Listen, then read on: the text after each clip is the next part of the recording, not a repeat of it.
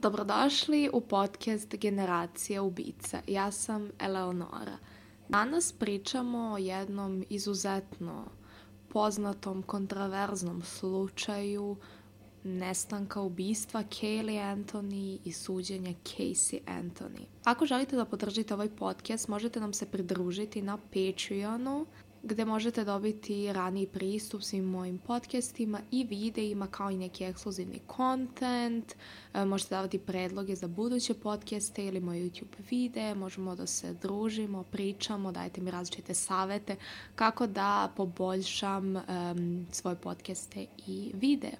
Slučaj Casey Anthony bio je jedan od toliko, toliko poznatih popularnih slučajeva, bilo je milioni, milione ljudi koji su uživo pratili suđenje, zato što se, uh, mislim, bilo je otvoreno za javnost, bilo je na različitim televizijama, mogli ste uživo da gledate i pratite suđenje koje je trajalo šest nedelja. Znači, ljudi su šest nedelja pratili ovo suđenje i iščekivali šta će se na kraju desiti. Na današnji dan, kada snimam ovaj podcast, izlazi novi dokumentarac uh, u kome će navodno Casey podeliti pravu istinu iz ovog slučaja. Ako ima nečega što je jako bitno, uh, što je ona napomenula u ovom dokumentarcu, pričat ću o tome u narednoj epizodi, na početku podcasta, ali sam odlučila da ipak snimam ovo sada, ne da čekam da taj, da taj dokumentarac izađe, zato što ne znam da li će reći išta uopšte bitno, niti da li će dokumentarac biti dostupan da se gleda kod nas u neko skorije vreme, a želela sam baš sada da pričam o ovom e, slučaju. Pa možemo da počnemo. Kaylee Mary Anthony rođena je 9. avgusta 2005. godine u Orlandu na Floridi. Njena majka Casey imala je samo 19 godina kada je rodila. Casey je svoju trudnoću krila mesecima. Odbijala je činjenicu da je trudna ili je samo to poricala svojim roditeljima i ljudima u okolini koji su bili ubeđeni da je ona trudna zato što je izgledala trudno. Imala je stomak i definitivno nije izgledalo kao da se samo malo ugojila. Međutim, kada je bila u sedmom mesecu trudnoći, više to nije mogla da sakrije, rešila je da prizna da jeste trudna. Iako je prethodnih e, meseci ubeđivala svoje roditelje i prijatelji porodicu da nije trudna i da se samo malo ugojila i kako ne može da se trudni zato što ona nije spavala ni sa kim, što je bila potpuna laž. Ovo nije bio prvi put da je Casey lagala. Ona je bila nešto što bi se nazvalo patološkim lažovom, zato što je stalno radila ovakve stvari. Kada je trebala da diplomira, njena porodica je pripremala celu jednu ogromnu žurku, proslavu njene diplome, završetka srednje škole, iako ona, ona je donala odluku da im ne kaže da ona zapravo neće diplomirati zato što ima par uh, predmeta na kojima ima jako niske ocene, to jest ima jedinice i ne može da završi srednju školu. Tako da je njena porodica napravila i isplanirala celu ovu proslavu kada su saznali da ona zapravo uopšte neće diplomirati. Tako da ovo laganje do poslednjeg trenutka kada mora da zapravo kaže šta je istina je neka vrsta patrna ponašanja Casey. Casey je živela sa svojim roditeljima Cindy i Georgeom. Um, Casey je imala normalno život, normalno detinstvo, normalne roditelje. Kasnije ćemo pričati o tome da je ona tvrdila da je imala e, ne tako sjajan porodični život i da je to razlog zbog koga je radila neke stvari koje je kasnije radila. Znači, Casey je zatrudnila kada je imala 19 godina i 9. avgusta rodila se njena čerka Kaylee. Casey je želela da da svoje dete na usvajanje. Nije želala da bude majka, nije bila spremna da bude majka. Međutim, njeni roditelji su bili apsolutno protiv toga i želeli su da oni budu tu i da pomognu Casey da odgaje svoju čerku, ali nisu prosto želeli da se njihova unuka nađe u um, nekoj hraniteljskoj porodici ili u svojnoj porodici. Što je s neke strane razumljivo, možda su oni želi da se staraju o njoj i nisu želi da ona završi u nekom sirotištu ili gde god bi se našla. Međutim, ako Casey nije bila spremna da ima, da ima ovo dete i da bude majka, možda je prava odluka bila da ona da to dete na usvajanje. Um, međutim, poslušala je svoje roditelje i rešila da zadrži Kaylee. Kaylee je imala jako prijatan početak života. Živela je sa svojom majkom, Casey, bakom i dekom, Cindy i George u lepoj kući. Bili su porodica srednje klase, imali su dovoljno novca za život i Cindy i George kao i Casey svi su radili i samim tim su zajedno mogli da sakupe dovoljno novca da um, daju Kaylee što bolji život moguće. Kaylee je bila izuzetno vezana za svoju baku i deku, pogotovo baku Cindy. Stalno je prodala vreme sa njom i delovalo je kao da je više vezana za svoju baku nego za svoju majku. Što verovatno nije bilo lako za Casey da vidite da vaše dete više voli vašu majku nego vas. Nešto što sam zaboravila da napomenem jeste da identitet Kaylinog oca nije poznat ni do dan danas. Nikada nismo saznali ko je njen biološki otac. Tadašnji Casey dečko je bio pod utiskom da je on Kaylin otac i u prvih par meseci Kaylinog života on se starao o Kayli i gledao na nju kao na svoju čerku. Međutim, kada su odradili test očinstva, saznali su da on uopšte nije Kaylin otac i on je nastavio da se stara o njoj još neki period kada je um, Casey postala toliko zahtevna i tražila od njega i njegove porodice da stalno vode računa o Kaylee, da ona stalno bude sa njima, što definitivno nije bilo ok zato što to uopšte ni nije bilo njegovo dete.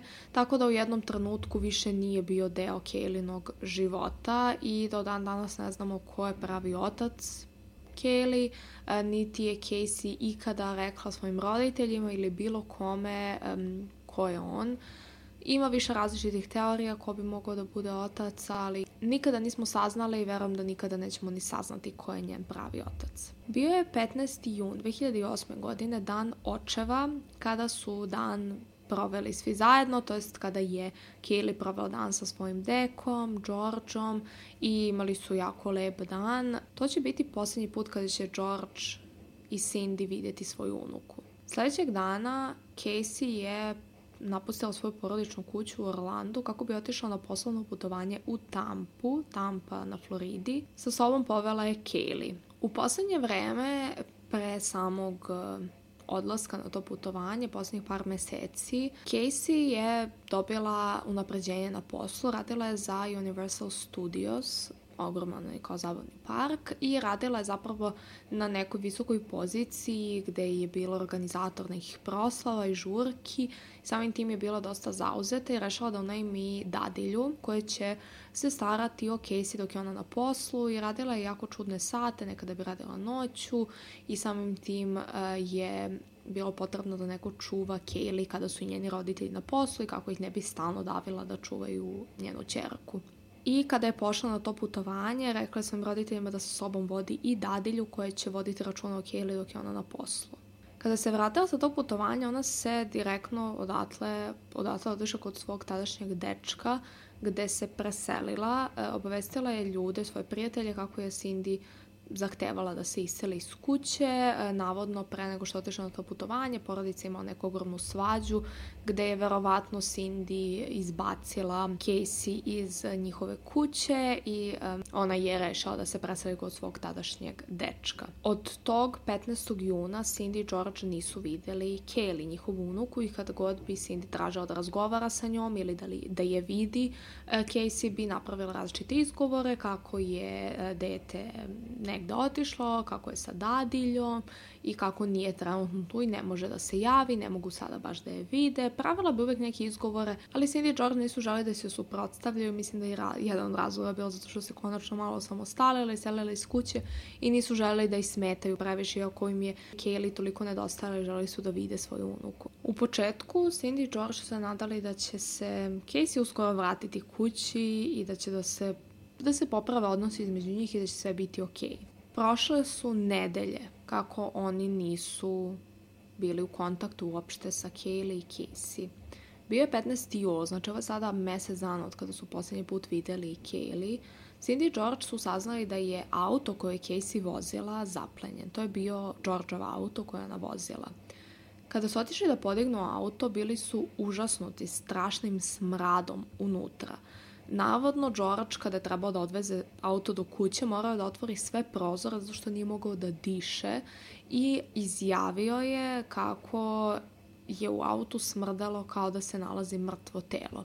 Znači nije kao smrdalo je kao da ima puno đubreta, kao da se neko ispovraćao, kao da se nešto desilo u autu, već kao da je u autu bilo mrtvog tela. Da napomenemo da je George u prošlosti radio u policiji samim tim bi e, mogao zapravo da prepozna miris mrtvog tela jer je to verovatno nešto što je ranije osetio u svom životu. Istog tog dana Cindy je konačno uspela da locira svoju čerku i bila je besna kada je saznala da Kaylee nije sa Casey. Casey je živala sa svojim dečkom, međutim od, od trenutka kada se doselila kod njega ona sa sobom nije imala Kaylee. Kaylee nije bila sa njom ovih mesec dana od kako je George i Cindy nisu videli. Cindy je bila uspaničena, nije znala šta da radi, pitala je Casey gde je Kaylee, šta je se desilo i ona je rekla da je ostavila Kaylee kod e, dadilje pre mesec dana i kada je došla da je pokupi nije bilo ni dadilje ni Kaylee od tada nije uspela da stupi u kontakt sa njom, niti sa dadiljom, niti sa Kaylee da je od tada svakoga dana traži i da nije žela da prijavi to policiji zato što je žela sama da je nađe. Cindy je zatim više puta zvala hitnu pomoć kao i šerefsku službu gde je tvrdila da njena čerka Casey treba da bude uhapšena zbog krađe automobila i krađe novca.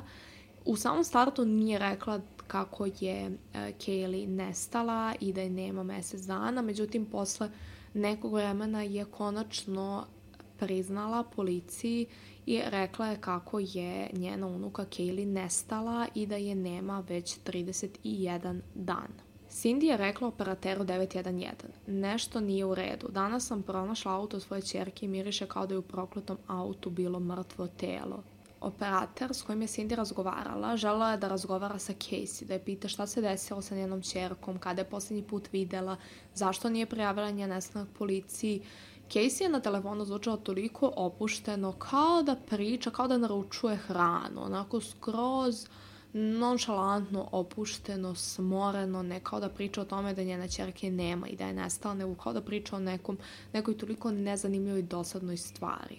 Casey je rekla operateru kako je poslednji put videla svoju čerku pre 31 dan, da je ostavila sa dadiljom Zenaidom Fernandez Gonzalez ili ti Zeni the Nanny, kako su je zvali. Znači ona je ostavila Kaylee sa Zeni i kada je došla njih dve nije bilo i od tada ne zna gde je Kaylee, da je ona tog dana zapravo razgovarala sa Kaylee, da je uspela da stupi u kontakt sa brojem telefona ove dadilje, međutim e, razgovarala sa njom jako kratko i veze se prekinuli i od tada nije uspela da ponovo dobije taj broj telefona.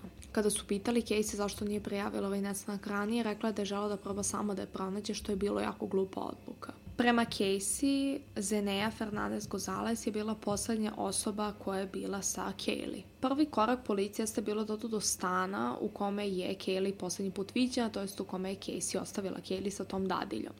Otišli su do to kao apartman kompleksa i kada su stigli u policijskim kolima, Casey im je pokazala gde se nalazi stan i rečala da ostane u autu. Nije izašla da im pokaže tačno gde je stan, da ih odvede do tamo, već je ostala u autu.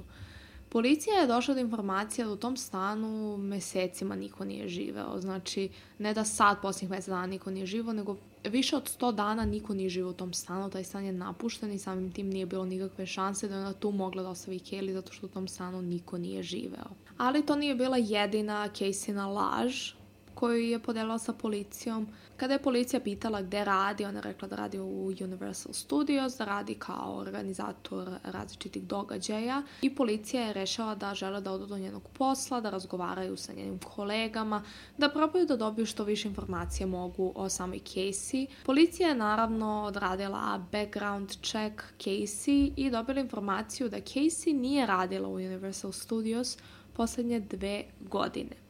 Pre dve godine ona je nešto kratko radila tamo i dobila je otkaz i od tada ona svoj porodici i prijateljima priča kako radi tamo iako uopšte tamo ne radi. Međutim, policija rešila da ipak krene sa njenom pričom i ona je njih odvela do Universal Studios kao kancelarija i došla je do bezbeđenja, predstavila se, ponašajući kao da ona stvarno tamo radi, kada je nisu pronašli u sistemu, tražila da nađu njenog šefa, njenog menadžera, kada nisu pronašli ni njega. Rešali su ipak da je pusto unutra, verovatno zato što je bila sa policijom i onda kao šta sada rade. I ona je vodila policiju kroz um, ovu zgradu, milion kancelarija, kroz lavirint kancelarija i kada su došli do jednog kraja hodnika, ona im je konačno rekla kako ona uopšte ne radi ovde. Znači, ponovo imamo primere toga da ona svoje laži gura do te granice gde više ne može da laže, nego mora da kaže istinu. i 16. jula 2008. godine uhapšena je zbog laganja policije, mešanje u istragu i zanemarivanje deteta. A samo nekoliko dana kasnije Casey je smatrana osobom od interesa za nestanak Kaylee Anthony. Znači, Casey je sve vreme lagala da je radila na ovom poslu i lagala da uopšte postoji dadilje. Dadilje ne postoji.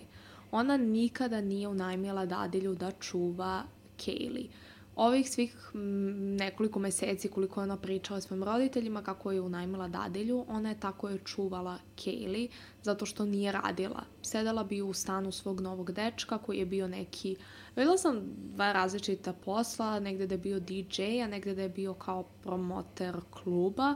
Uglavnom radio je noćnim klubovima i ona bi s njim stalno izlazila, uh, išla na žurke i to je bila omiljena stvar na svetu i uh, Kaylee je živala sa njima. Znači, bukvalno je provodila toliko vremena zajedno sa njima i kad god bi je navodno dadilja čuvala, ona bi bila sa Casey i njenim novim dečkom.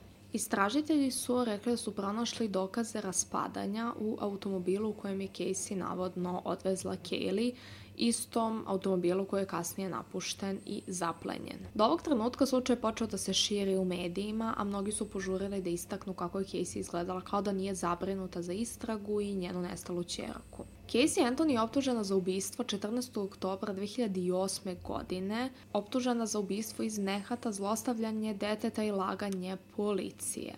Međutim, telo Casey Anthony još uvek nije pronađeno. Bilo bi jako teško da je osude za ubistvo bez tela.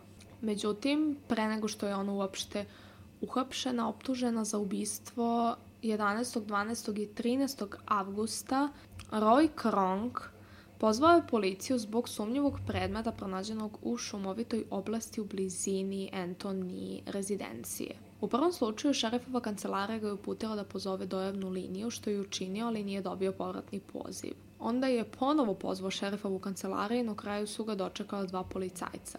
On im je prijavio da je video nešto što izgledao kao lobanja blizu sive torbe. Policajac je tom prilikom izvršio kraći pretres i naveo da nije video ništa. 11. decembra Kronk je ponovo pozvao policiju, znači on je iznova i iznova prijavljivao da se nešto dešava i da se nešto nalazi u toj šumi i da nije siguran šta je to i da želi da policija dođe da provere šta se dešava. Pretresli su šumu i pronašli ostatke deteta u kesi za otpadke. Istražni timovi su pronašli lepljivu traku koja je visjela sa kose pričvršćene za lobanju i nešto tkiva koje je ostalo na njoj. Tokom naredna četiri dana pronađeno je još kosti u šumovitom području blizu mesta gde su ostaci prvobitno otkriveni. 19. decembra 2008. godine potvrđeno je da su pronađeni ostaci bili Kaylee Anthony. Smrt je proglašena ubistvom, a uzrok smrti je naveden kao neutvrđen. Nisu mogli da utvrde uzrok smrti zato što je telo prošlo kroz e, dobar proces raspadanja, znači ona je ubijena kako se pretpostavlja po e, tome koliko se njeno telo raspalo u julu ili junu i s obzirom da pričamo o jako toplom vremenu u Floridi, telo se jako brzo raspalo i već u decembru bilo, bilo su gotovo samo kosti, tako da nisu mogli da dođu do um, uzroka smrti, do tačnog uzroka smrti ili šta se uopšte desilo Kelly, kako je preminula, da li je bila nesreća, da li je ubijena, e, ali samim tim što je njeno telo pronađeno u kesi, u šumi je znak da se ovde nešto sumnjivo desilo, to je da nije samo preminula prirodnom smrću.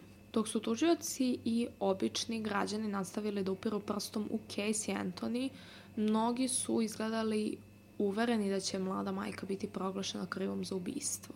Znači, većina ljudi, javnosti, verovala da je Casey kriva i da će biti optužena i proglašena krivom za ubistvo svoje čerke. Suđenje za ubistvo počelo je 24. maja 2011. godine i činilo se kao da cela nacija prati slučaj.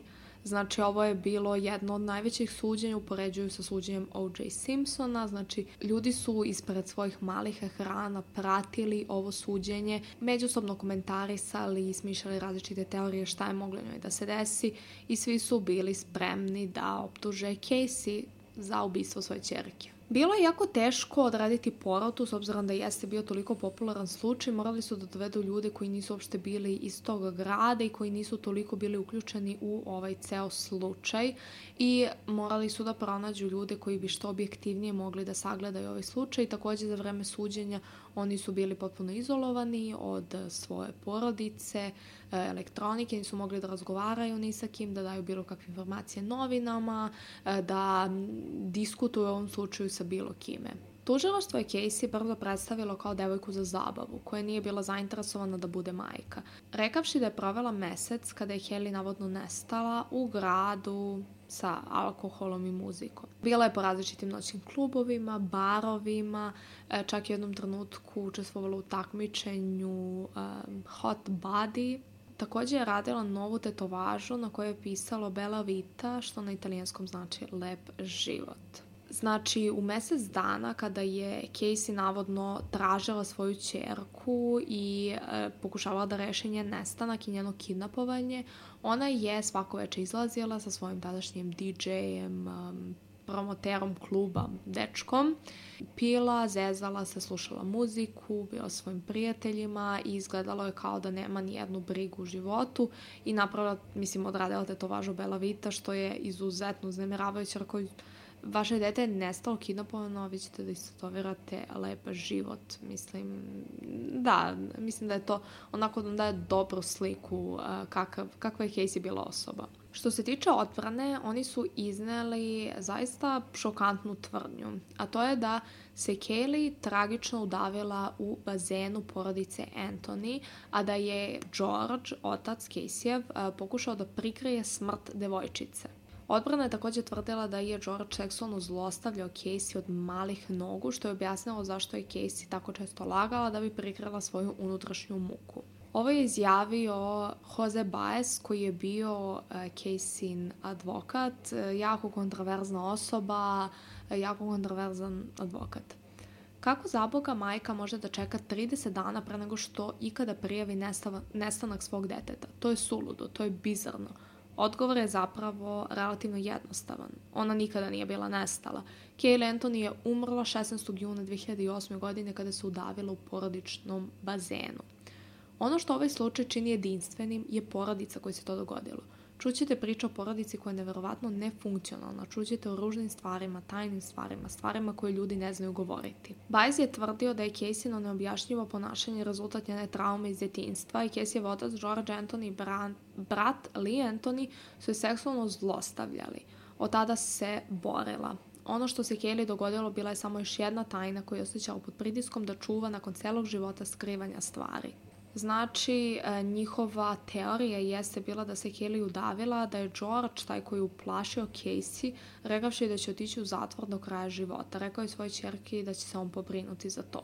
Odbrana je takođe sugerisala da je komunalni radnik koji je pronašao Kejline posmrtne ostatke u decembru to uradio mesecima ranije, ali ih je zadržao, a zatim ih stavio tamo gde su na kraju pronađeni kako bi privukao pažnju. Čovek je negirao sve ovo i kasnije zapravo tužio Casey za klevetu. George je odlučno negirao da je ikada zlostavljao svoju čerku i svedočio da nije znao da se Kaylee nešto dogodilo do dana kada je prijavljen nestanak. Izvedeno je 400 dokaza iz prtljažnika Caseynog automobila, pronađen je pramen kose koji je bio mikroskopski sličan kosi sa Kejline četke.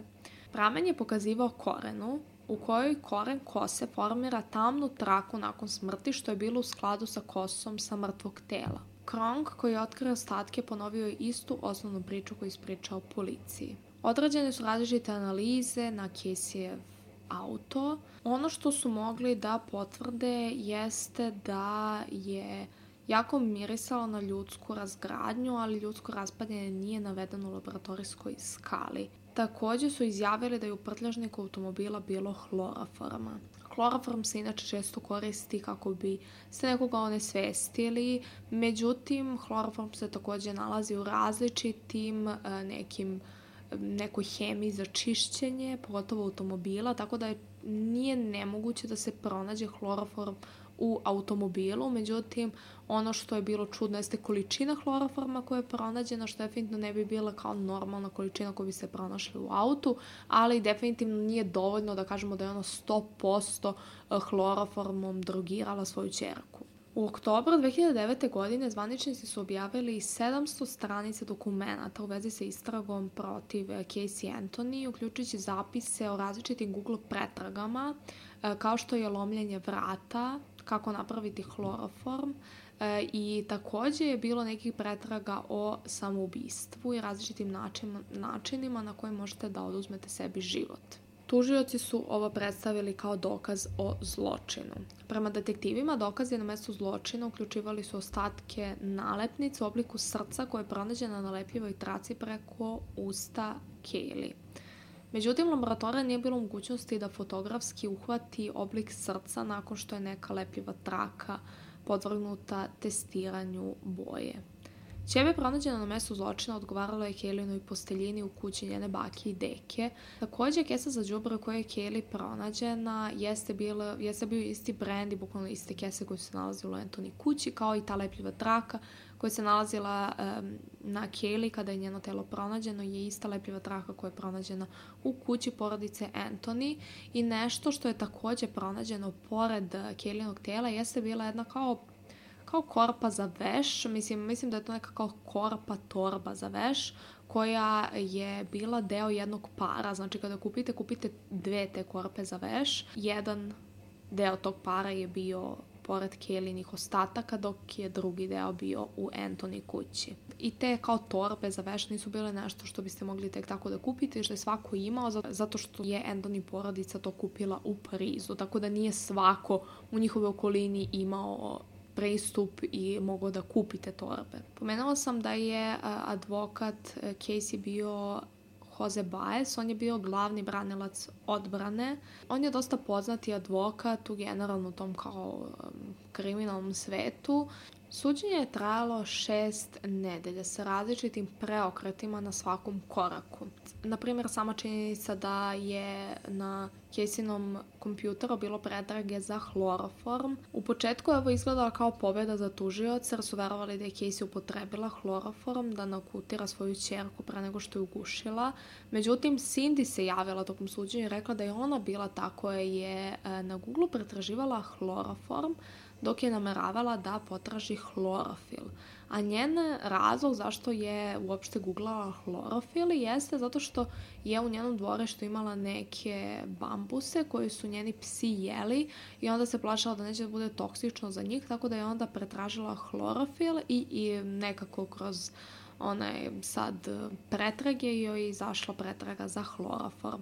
Sve u fazonu um, zašto biste pretraživali hlorofil ako je vaš pas pojeo neko cveće, onda biste napisali kao, dobro, ne bila zabranuta za bambus, napišite no, da li je bambus toksičan za pse ili googlate bambus ili biljke koje su toksične za pse, ne biste pretražili hlorofil, kao to nema apsolutno nikakvog smisla. Takođe su uspeli da dokažu da je Cindy bila na poslu kada je ova pretraga izvršena, što znači da uopšte nije mogla da bude tako je, je ovo tražila na Google-u. Svaku teoriju koju bi tužilaštvo iznalo, odbrana bi uspela, uspela nekako da zaljulja. Znači, uspeli su da nađu neke stvari koje se ne slažu u toj priči, neke stvari koje nisu mogle tako da se dese i samim tim bi svaka njihova teorija propala. Nešto što je bila velika tema tokom ovog suđenja jesu bili insekti koji su pronađeni u autu Casey. Znači u Caseynom autu je pronađ, su pronađene kese džubreta, bilo je ostatka različite hrane i samim tim su se naravno skupile neke bube. George je to sve izbacio iz auta um, kada je vratio svoj auto kući. Bilo je nekih buba u autu, znači to je očigledno, skupile su se na ona, hranu koja se raspadala i buđala tu. Međutim, kada, se, kada govorimo o telu koje se raspalo, koje se raspada u autu, to bi bila ogromna količina buba koja bi se tu našla, zato što kada se telo raspada, njega jedu bube i bilo bi puno, puno insekata koji se skupljaju na e, mrtva tela. Međutim, to nije pronađeno. Nisu pronađeni dovoljni dokazi da dokažu da se u tom gepeku u autu nalazilo mrtvo telo. Možda jeste, mislim kako je tužilaštvo iznalo s različitim nekim ekspertima jeste da je bilo prisustva tela, ali na kratko vreme pre nego što je uklonjeno. Bilo je različitih teorija da je, da je Kellino telo bilo u autu nedelju dana, što se sigurno ne bi desilo. Znači, ako se telo nalazilo u automobilu, nalazilo se neki jako kratki vremenski period. Svetočenje forenzičkog entmologa u vezi sa dokazima insekata. On je objasnio da vrste insekata prisutne na mestu tela ukazuju na e, dugotrajan, to je koliko dugo se telo tu nalazilo. Oni su mogli da potvrde da, je, da, je, da se telo na tom mestu u šumi nalazi od juna ili jula, pre nego što je otkriveno u decembru, i to da se e, u tom autu nalazilo neko vreme. Generalno, entomološki dokazi su najtačniji pokazatelji vremena smrti e, nakon što se telo razgradi. Znači kada se pronađe neko telo, vreme, koliko dugo se ono raspada, to jest kada je ta osoba preminula, utvrđuje se e, na osnovu insekata koji se nalaze unutar tela. Pred kraj suđenja bilo je očigledno da su se tužioci oslanjali na naglašavanje navodnog nedostatka morala Casey Anthony da bi je povezali sa ubistvom Kaylee Anthony, iako su pokušali da pronađu više čvrstih dokaza o njenoj krivici nisu uspeli da otkriju ni jedan forenzički dokaz ili svedoke koji bi je povezali sa ostacima Kaylee Anthony. Takođe nisu mogli definitivno da stave telo malog deteta u prtljažni Caseynog automobila gde su verovali da je sakrala ostatke pre nego što ih je, pre nego što ih se otarasilo u šumi. I što je možda najvažnije, još uvek je bilo nejasno kako je tačno Kaylee Anthony preminula. Ipak tužioci su bili uvereni da je Caseyeva navika da laže, njeno uznemiravajuće ponašanje nakon što je njena čerka navodno nestala i posredni dokazi bili dovoljni da ubede porotu u njenu krivicu. 3. jula država i odbrana na suđenje Casey Anthony dali su završne reči objedinjujući svoje argumente pre nego što je porota počela razmatranje. Tužilaštvo se fokusiralo na Caseyne mnoge laži, Um, oni su tvrdili da je teorija odbrane slučaja da je Kelly umrla u slučajnom utapanju koje je prikrao njen deda bila nelogična. Takođe su predstavili različite dokaze koji bi pokazali to da stranac nije ubio Kaylee, to je da ona nije kidnapovan i da je ubio neko koje nije poznavao. Odbrana je naglasila rupe u tužiočevom slučaju, tvrdeći da nisu objasnili kako je Kaylee umrla i e, da su pokušali da poigraju ulaganje i zabavu sa Caseyne strane kako bi odigrali emocije porote i okrenuli ih protiv nje. Odbacili su objašnjenje Kesijevih motiva koje je navelo tužilaštvo da je osjećala da je čerka smeta životnom stilu koji je želela. Kada su izjave završene, porota je počela razmatranje. Ujutru 4. jula porota na suđenju Casey Anthony počela da raspravlja. 5. jula nastavljali su tamo gde su stali posle 6 sati prethodnog dana. Posle 10 sati razmatranja, što je iskreno jako malo za ovako komplikovan slučaj suđenja koje je trajalo 6 nedelja, obično bi poroti trebalo više dana da donesu odluku, međutim oni su samo za 10 sati e, doneli odluku. Vratila se sa presudom da Casey Anthony nije kriva po svim glavnim optužbama. Proglasili su je krivom po četiri tačke za davanje lažnih informacija organima za provođenje zakona za koje je optužena, ali ne i za ubistvo i zlostavljanje deteta. Nakon što je policija osudila četiri tačke za laganje, sudija Perry je osudio Casey Anthony na jednu godinu, ukupno četiri godine, ali pošto je već provela oko tri godine u zatvoru i e, smanjili su i kaznu zbog dobrog ponašanja, Caseyna kazna će se završiti samo 10 dana od kada je donesena ova presuda, znači ona je izašla iz zatvora 17. jula i trebala je da plati 4000 dolara. Od završetka suđenja pojavili su se različiti pokreti za stvaranje novog zakona nazvanog Kelijev zakon koji bi nametnuo strože uslove roditeljima da, da obaveste organe za sprovođenje zakona o smrti ili nestanku deteta – Znači da je ovaj zakon bio na snazi kada je, kada se ovo sve dešavalo, Casey bi danas dobila mnogo veću kaznu, dobila bi 10 godina po svakoj optužnici, što bi značilo da bi provela dosta duže vremena u zatvoru. E, napravili su jednu peticiju koja je dobila skoro 1,3 miliona elektronskih potpisa.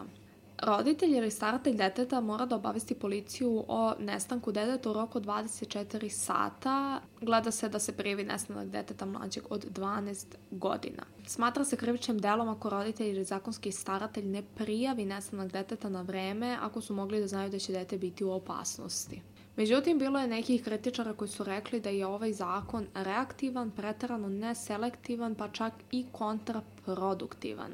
Kada su objavili da Casey Anthony nije kriva za ubistvo svoje čerke, ovo je izazvalo toliki bes i ljutnju širom Amerike. Svi ljudi koji su ovo gledali bili su besni. Prema anketi koja je izvršena 64% Amerikanaca misle da je Casey Anthony definitivno ili verovatno ubila svoju čerku. Međutim, ono što mislim da je jako loše odrađeno u celom ovom slučaju jeste što su oni želeli da Casey dobije smrtnu kaznu i da je to jedan od glavnih razloga zašto je ona proglašena nevinom, zato što su oni razmatrali da li ova žena treba da bude sada pogubljena, a mi zapravo nemamo dovoljno dokaza da bi jasno mogli da dođemo od zaključka da je ona ubila svoju čerku. Da su smislili neku manju kaznu ili da su malo bolje osmislili ovaj slučaj, međutim oni su bili toliko sigurni da će porata 100% da okrivi uh, Casey, da mislim da nisu zapravo dobro promislili to uh, kako će izvesti celo ovo suđenje. Nakon što je suđenje završeno, jedan muški poratnik je anonimno razgovarao um, o presudi. Generalno, nikome od nas se Casey Anthony uopšte nije dopala izgleda kao užasna osoba, ali tužioci nam nisu dali dovoljno dokaza da bi mogli da je osudimo.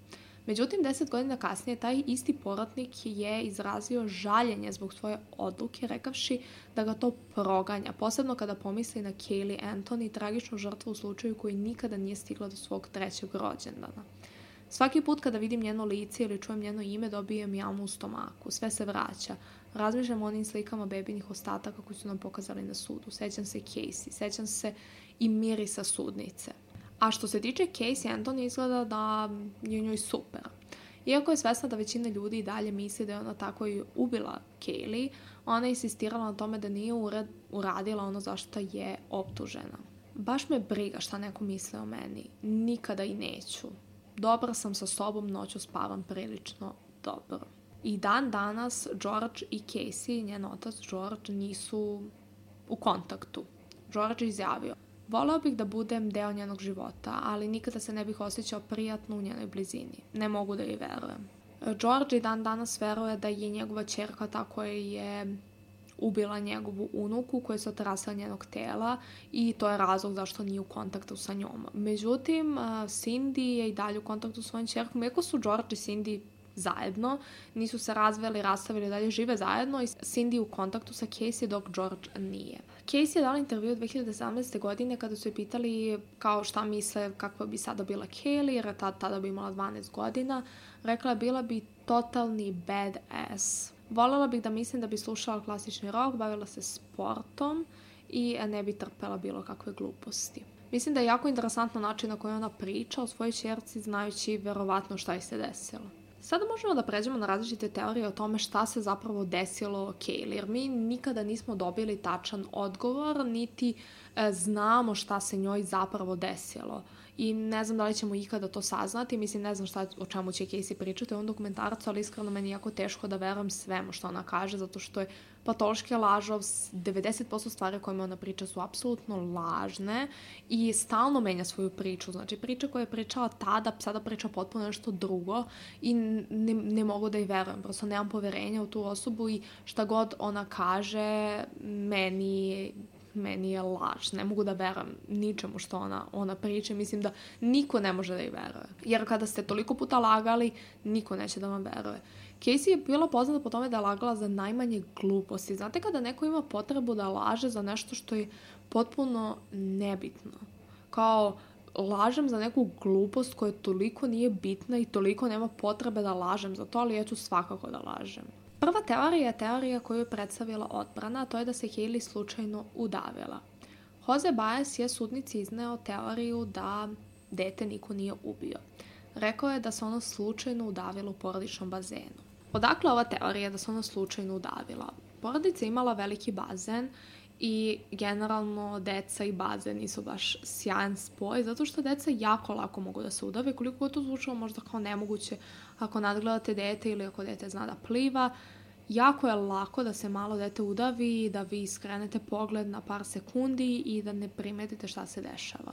Oni su predstavili i pokazali različite slike na kojima se jasno vidi da je Kelly mogla sama da otvori, znači velika kao vrata, mogla je sama da izađe iz kuće i da ode do bazena. Znači nije bilo potrebno da i neko otvori vrata, da li su bila neka balkonska vrata, vrata koja vode u dvorište. Znači Kelly je bila sposobna da sama ode do bazena. Međutim, ono što je odbrana predstavila jeste da je George Anthony pronašao Kelly koja se udavila u bazenu i rekao Casey da će se on pobrinuti za to.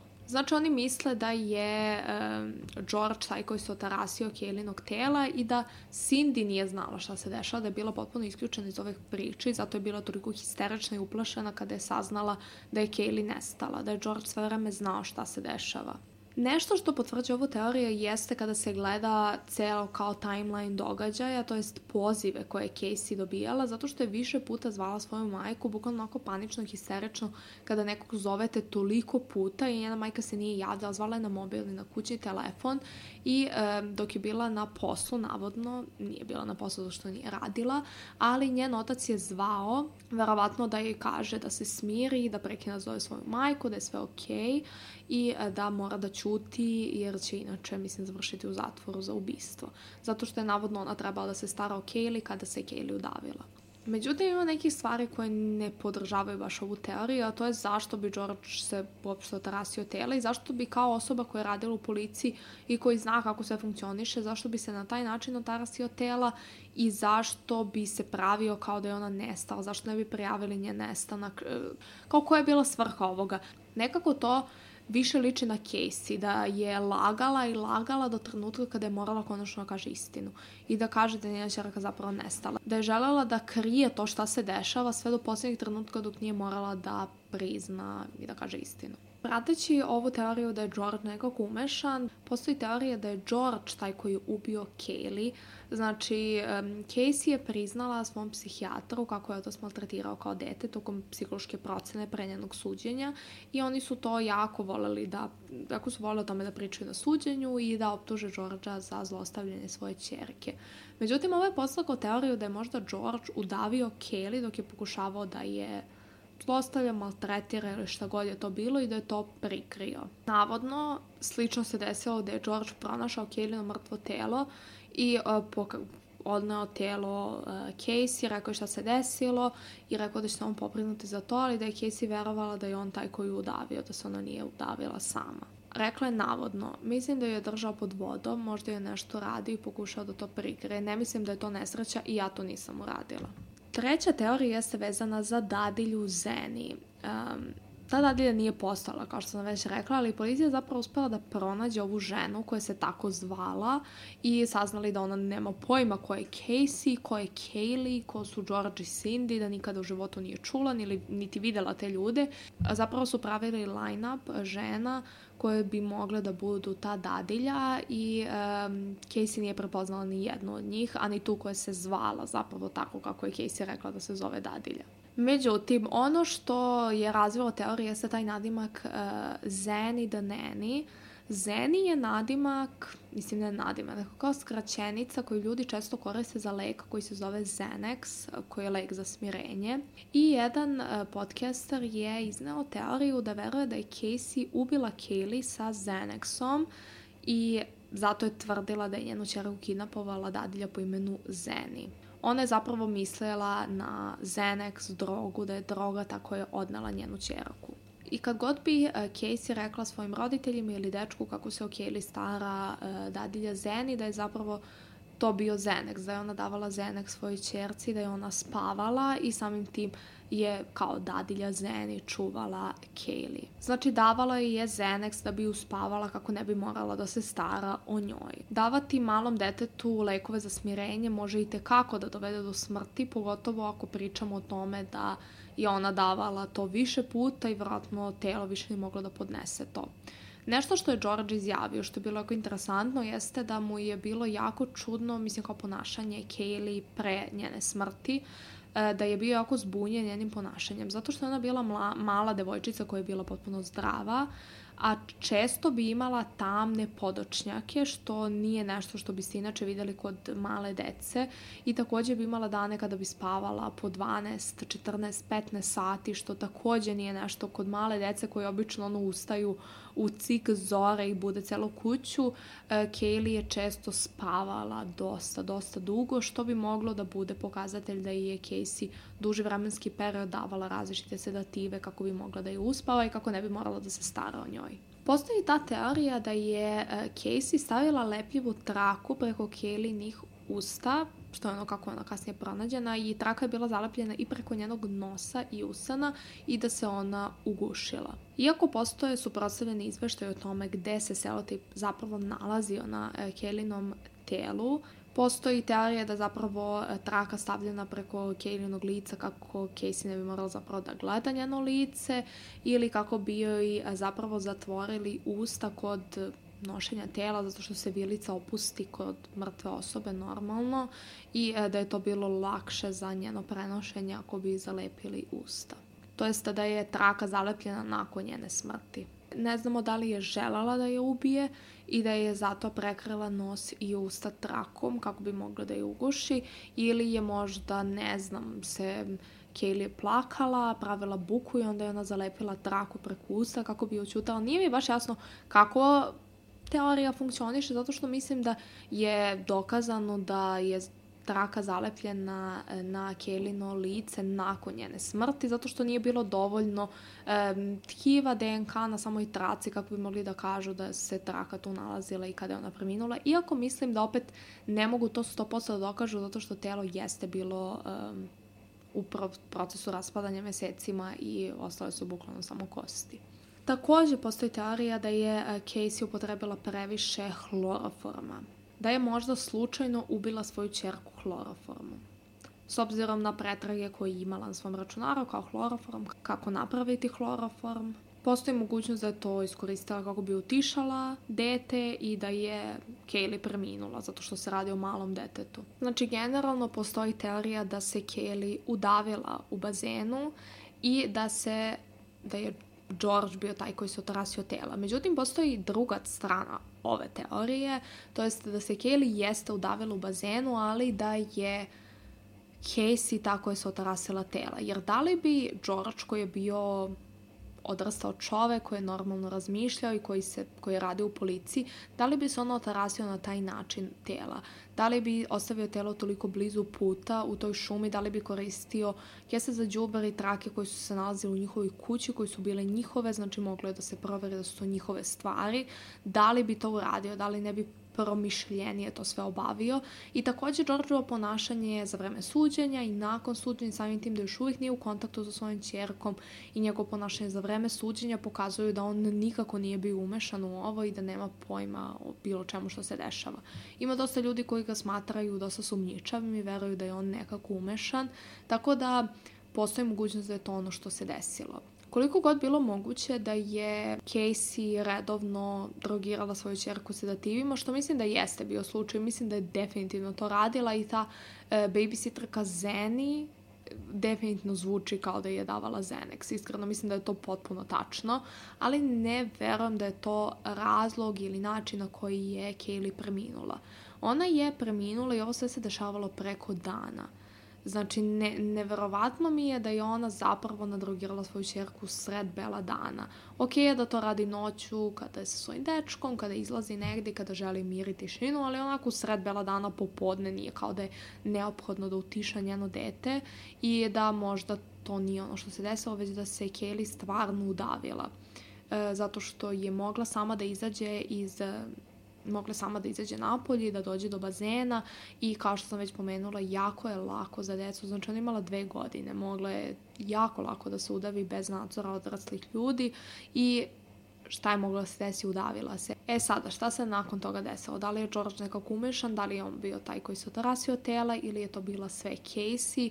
To ne znamo i ne znam da li ćemo saznati ikada u skorije vreme. Nijedan od njih ne izlaze da prizne šta se desilo. Iskreno, Ja lično mislim da George nije umešan, iako definitivno ima stvari koje ukazuju na to da on možda jeste nekako umešan.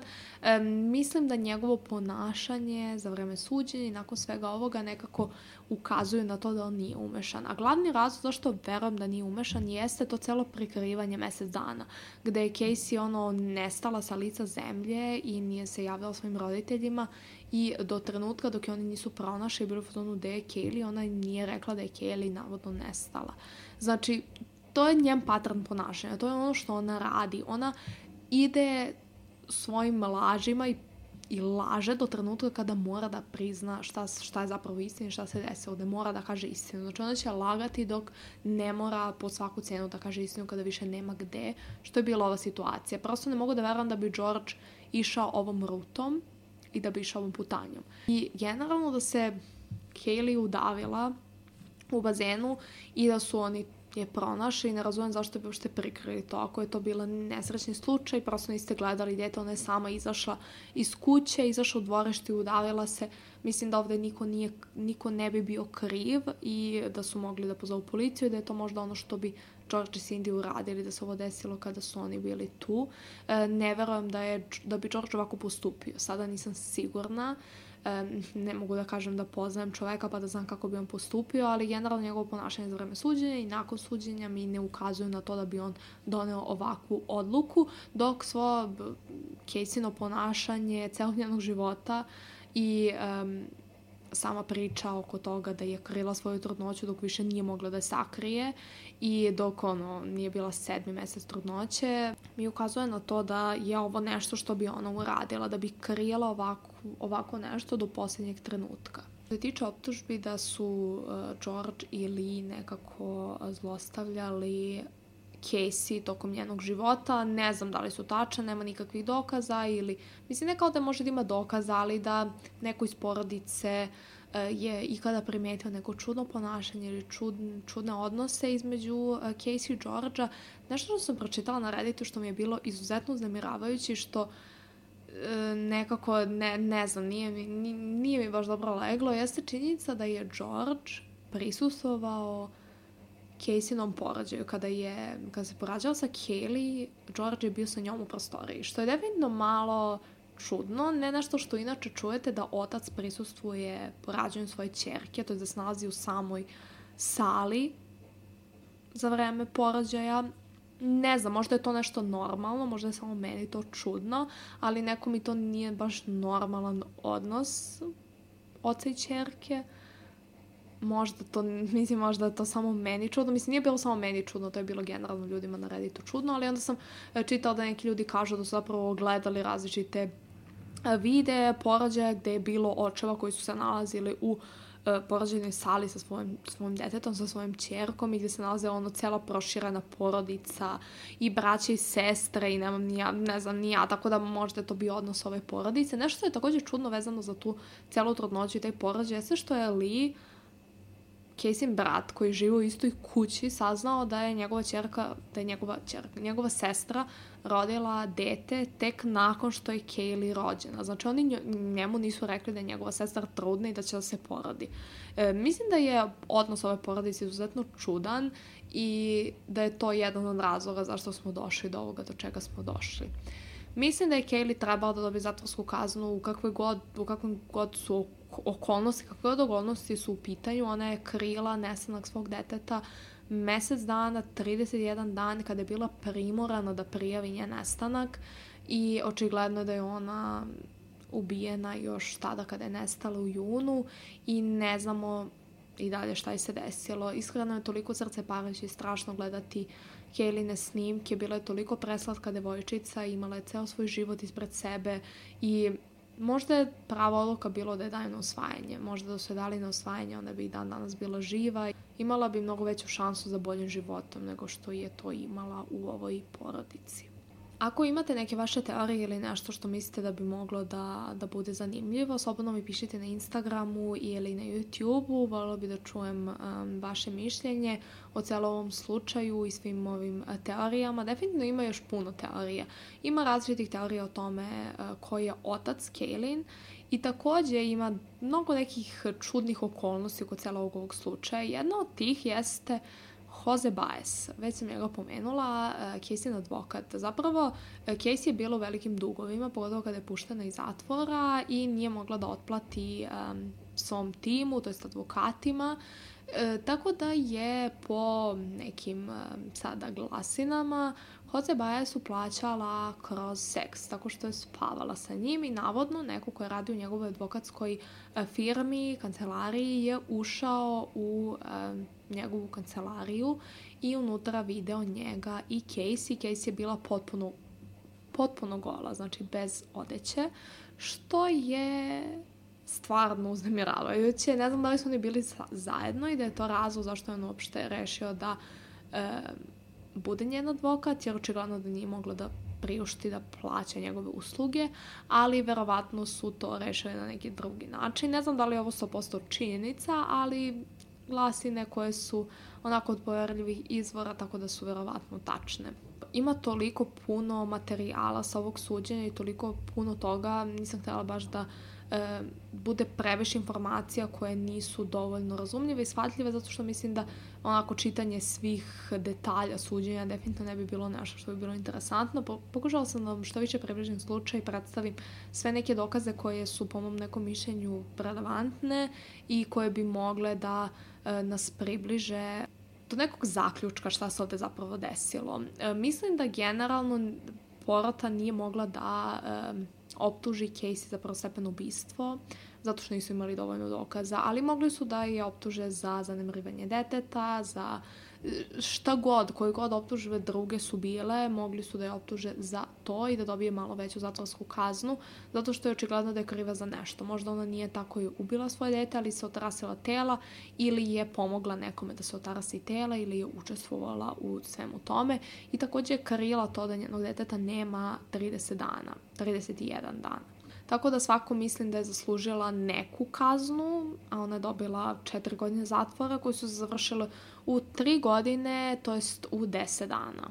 Ne znam, jedino o čemu razmišljam kada pričamo o svemu ovome jeste mala Kaylee koja je na toliko tragičan i užasan način izgubila svoj život i ne želim, ne želim prosto ni da razmišljam o tome kroz šta je prolazila u poslednjim trenucima svog života i samo se nadam da je sada na nekom boljem mestu. To je otprilike to što se tiče današnjeg podcasta. Od sledeće nedelje kreću decembarski podcasti koji će biti u nekom kao holiday spiritu. Radit ćemo neke slučajeve poznate koji su se desili za vreme e, praznika, Božića, Nove godine, tako da ako je to nešto što volite da e, pratite, obavezno se subscribeujte, zapratite na um, platformi na kojoj slušate podcaste i uključite notifikaciju kako bi vam stiglo obaveštenja kada krenu decembarske epizode, a mi se vidimo sledeće srede sa prvom decembarskom epizodom podcasta Generacija ubica. Ako želite da podržite moj podcast, zapratite nas na Patreonu kao i na ostalim društvenim mrežama, YouTubeu, Instagramu, TikToku pod Eleonora Vojnovski. Hvala vam puno zato što e, slušate i pratite moj podcast. Vidimo se uskoro. Ćao!